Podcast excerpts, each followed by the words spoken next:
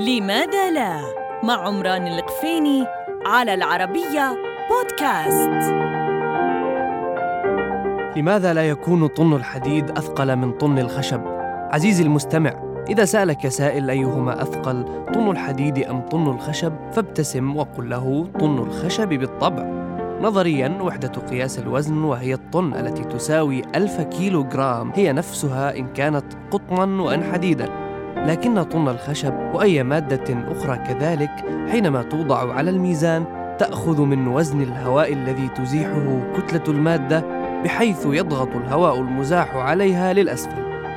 أي أن وزن طن الحديد يساوي طن زائد وزن الهواء المزاح ووزن طن الخشب يساوي طن زائد وزن الهواء الذي تزيحه كتلة الخشب التي هي أكبر من كتلة طن الحديد. نقلت لك المعلومة من كتاب الفيزياء المسلية لياكوف بيرلمان.